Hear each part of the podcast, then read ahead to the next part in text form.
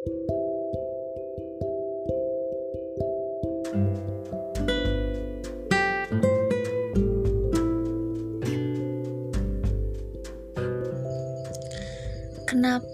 harus maca? Jujur, ini sebenarnya memang kurang cocok dijadikan tema untuk episode podcast kali ini karena kelihatannya kayak garing banget gitu ya. Tapi nggak apa-apa, kalian akan tahu alasan tepatnya setelah mendengar podcast ini sampai habis. Jadi, kenapa harus maca?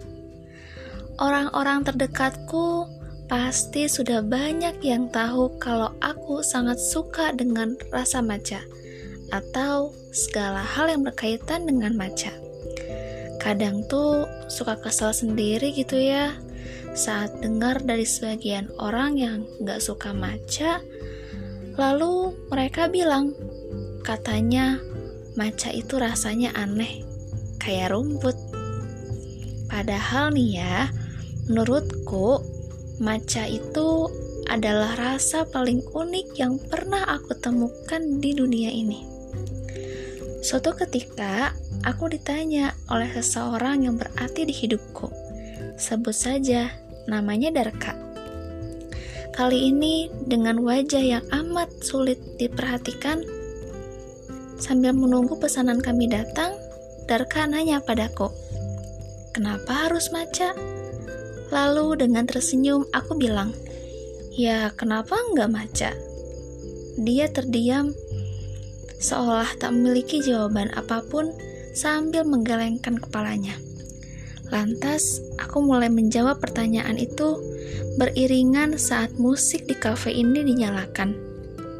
Darka, kamu selalu tahu kalau aku suka sekali dengan rasa maca. Tetapi, Mengapa kamu baru bertanya saat ini? Kemudian Darka diam dan kembali menatap kedua manik mataku menunggu jawaban setelahnya. Karena bagiku, maca itu adalah rasa yang paling jujur di antara semua rasa yang pernah ada. Seperti rasa coklat. Rasanya memang manis, tetapi kadang ia berubah menjadi pahit dalam satu waktu. Terus ada strawberry. Dia gak mau ngakuin kalau dia memiliki rasa yang asam.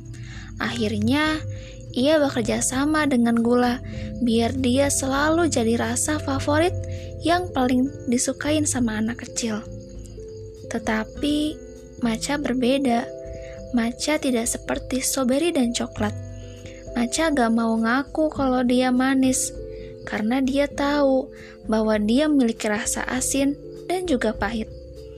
Itulah mengapa aku bilang bahwa maca adalah rasa paling jujur yang pernah aku temui, karena dia memiliki rasa asin, pahit, manis dalam satu waktu, dan aku suka itu.